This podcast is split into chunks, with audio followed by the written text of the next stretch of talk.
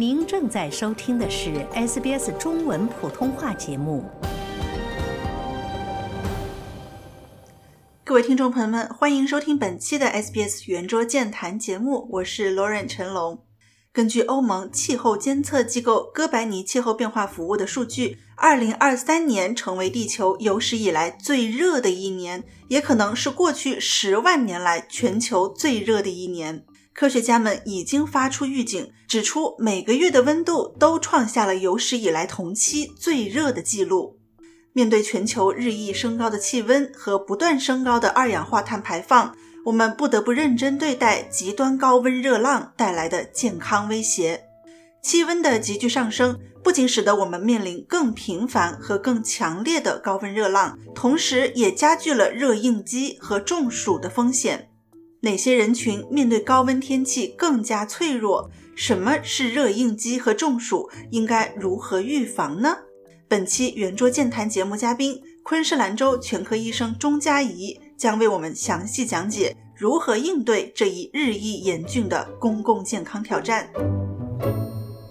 请问，从您的一个专业角度来看啊，高温这种现象，它会通过怎样的方式导致一个人？不幸死亡呢？嗯，首先呢，是我们的人的正常体温是应该要在大概三十六。啊，到大概三十七度左右，然后当我当我们受那个高温影响的时候呢，我们的身体其实可以自然的调节这个体温的，然后就是防止那个体温不停的往上个啊那个上升。可是呢，啊，就是比如说我们的身体可以啊透过排汗，然后将更多的血液流向我们的皮肤，然后就会让这个身体有降温的效果。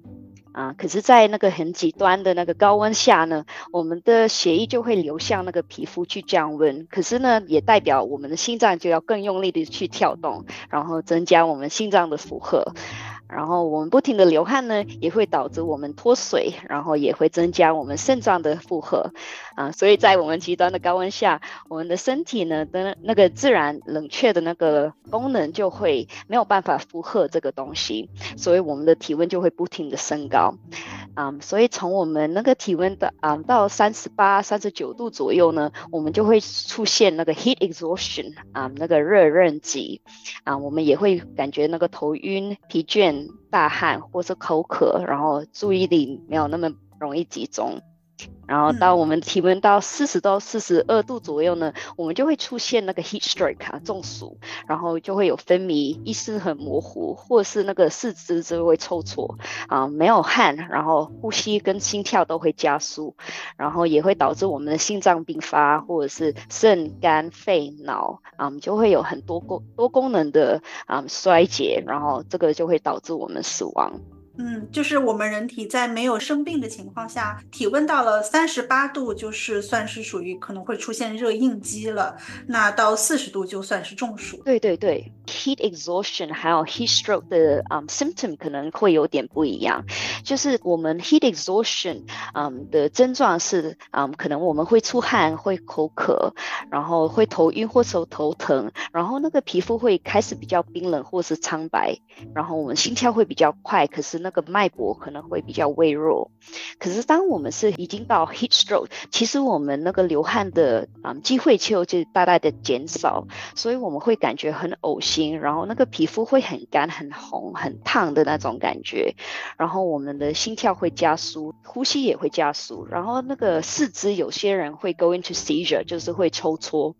然后全身会很疼痛的感觉，或是 even 去会有分泌的状态啊。所以，嗯，当你感觉你的那个症状已经是比较严重的话，就不要拖，就直接打 triple zero 就好。嗯，那其实哪些人群啊，面对高温的天气会更加脆弱，更加容易出现健康问题呢？嗯，其实我们每一个人呢都会受到这个高温的影响。可是你讲的很对的，就是其实有某一些的人群会比较容易受影响的。啊，特别是我们六十五岁以上的长者，啊，就是除了他们有时候会因为省钱然后不舍得开那个空调以外呢，他们的皮肤其实对于外界的那个天气那个影响没有那么容易去啊感觉到这个东西。老人的皮肤对气温变化的感知是不那么灵敏的。嗯，对的，对的，因为他们的皮肤没有那么好，所以他们呢就会啊没有那么容易感觉到天气的变换。嗯，那除了老年人之外，有没有其他的人群可能也是在高温天气下更加容易有健康问题呢？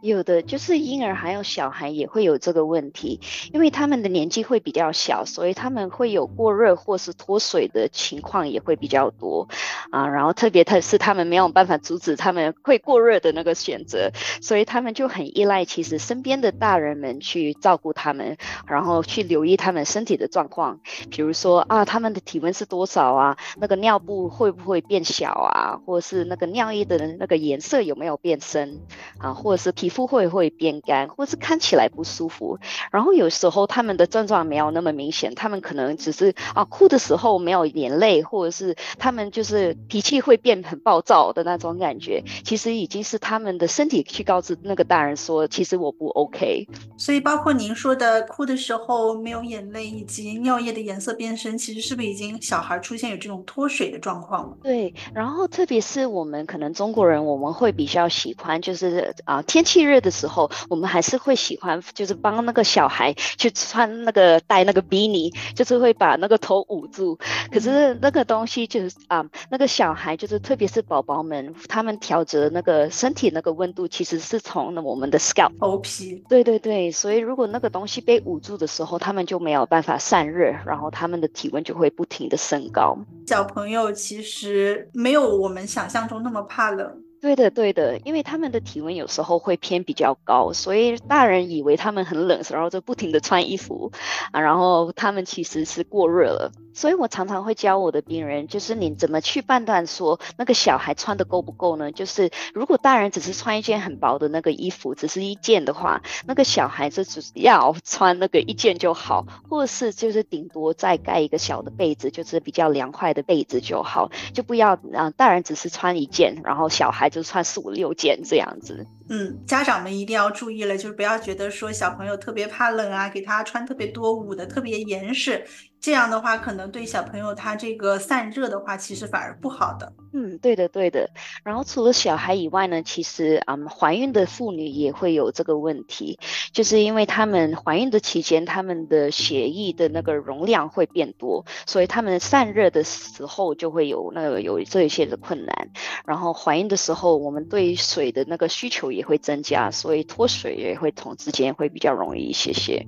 然后除了老年人，其实有一些人会有心脏的问题，或者是啊肺有问题啊，或者是糖尿病这些的问题，嗯，他们也是要注意一下，因为他们那个散热的那个功能也会相对来讲减少，啊，特别是有些人是比较肥胖的，也会有这个方面的问题。然后有一个可能没有很多人知道的问题，就是有一些啊，就是有精神病患者热也会有影响，因为他们很热的时候会影响他们的心情。然后在我们在嗯 hospital 的时候呢，其实会发现，嗯 summer 的时候会比较多人会有自残或是嗯就是自杀的倾向，因为他们的心情没有那么好。嗯，那总结一下，面对高温天气，可能需要更加注意的人群包括六十五岁以上的老年人，然后肥胖人群、精神病患人群、孕妇以及婴幼儿。对对对对的，然后可能再多加那么一个，就是嗯，有一些人是要在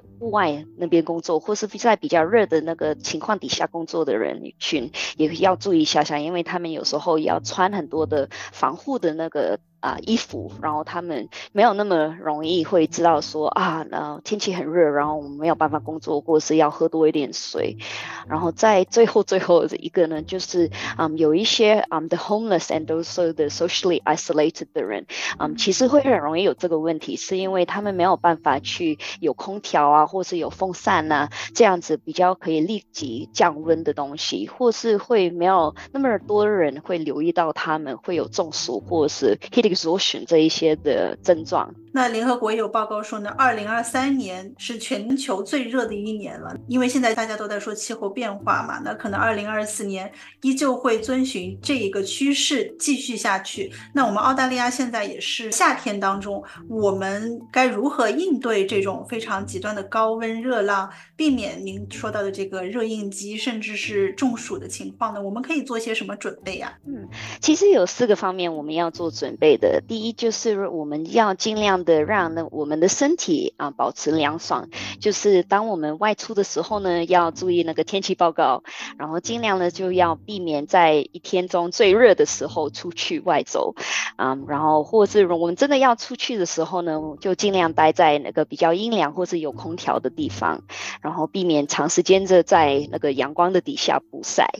啊，然后我们尽量啊，如果要去做呢一些体力活的话，我们就尽量找一些啊。那个温度比较低的时段去做这些的东西。啊，然后当我们外出的时候呢，要穿一些比较薄或者宽松的衣服，然后尽量的可以用冷水去敷我们的皮肤，或是要带冷水袋或是湿毛巾，然后可以放在我们的颈部。然后啊，就是外出完回家的时候，要去啊冲澡，或是要泡冷冷水澡，然后让我们的体温可以降下来。然后也记得就是要涂防晒，然后戴太阳眼镜，还有太阳帽去保护自己。然后第二呢，就是要保持在家里或是室内的啊凉爽啊，特别是如如果我们有空调的话，就把它开起来，把那个风扇也用上，可以关上那个窗帘，然后让家里比较凉快一些。然后尽量减少用 oven 或是有一些可以嗯加热的设备，因为这个也会让我们嗯那个室内的体温也会升高。晚上比较凉爽的时候，就尽量把那个窗户都打开，然后让一些的空气比较流通。第三就是我们要注意，我们要补充我们的水分啊。我们出去的时候要带上我们的 water bottle。虽然我们有时候不会感到口渴，可是也记得啊，我们要喝多一点水。如果医生没有限制的话呢，最好是每二十到三十分钟喝一杯水就好，然后多一点休息。然后最后呢，就是当我们发现我们有这些 heat stroke 或是或是 heat exhaustion 的症状的时候呢，就要立即的处理，不要耽搁。那说到我们发现自己可能有热应激或者中暑的症状的时候，我们应该去怎么来去做一个紧急的处理呢？其实最主要就是要立即的降温啊，所以尽量的快速的离开高温的地方，然后去有空调或者是有风扇的比较阴凉的地方。然后，如果可以的话，尽量解开或者脱掉所有的衣服，让我们的体温可以快速的降下来。然后用任何可以降温的方法，for example，我们尽量的冲澡啊，或者是泡冷水澡，或是洒冰冷的水在皮肤或是衣服上面，或者是用冷水擦身，然后放一些冰袋在我们的颈椎或者是在我们的身体上面。当我们可以躺下的时候就躺下，然后可以的情况底下喝一点小水，然后多一点的休息。所以如果是比较轻微的 heat exhaustion，然后你感觉上你的症状已经很快的可以好起来的时候呢，那就 OK。可是如果你已经用了三十分钟，然后没有办法啊把那个症状减小，或者是啊你会觉得你已经有这个 heat stroke 的 symptom 的时候呢，就立即的打 triple zero，就是立即的求助，不要等。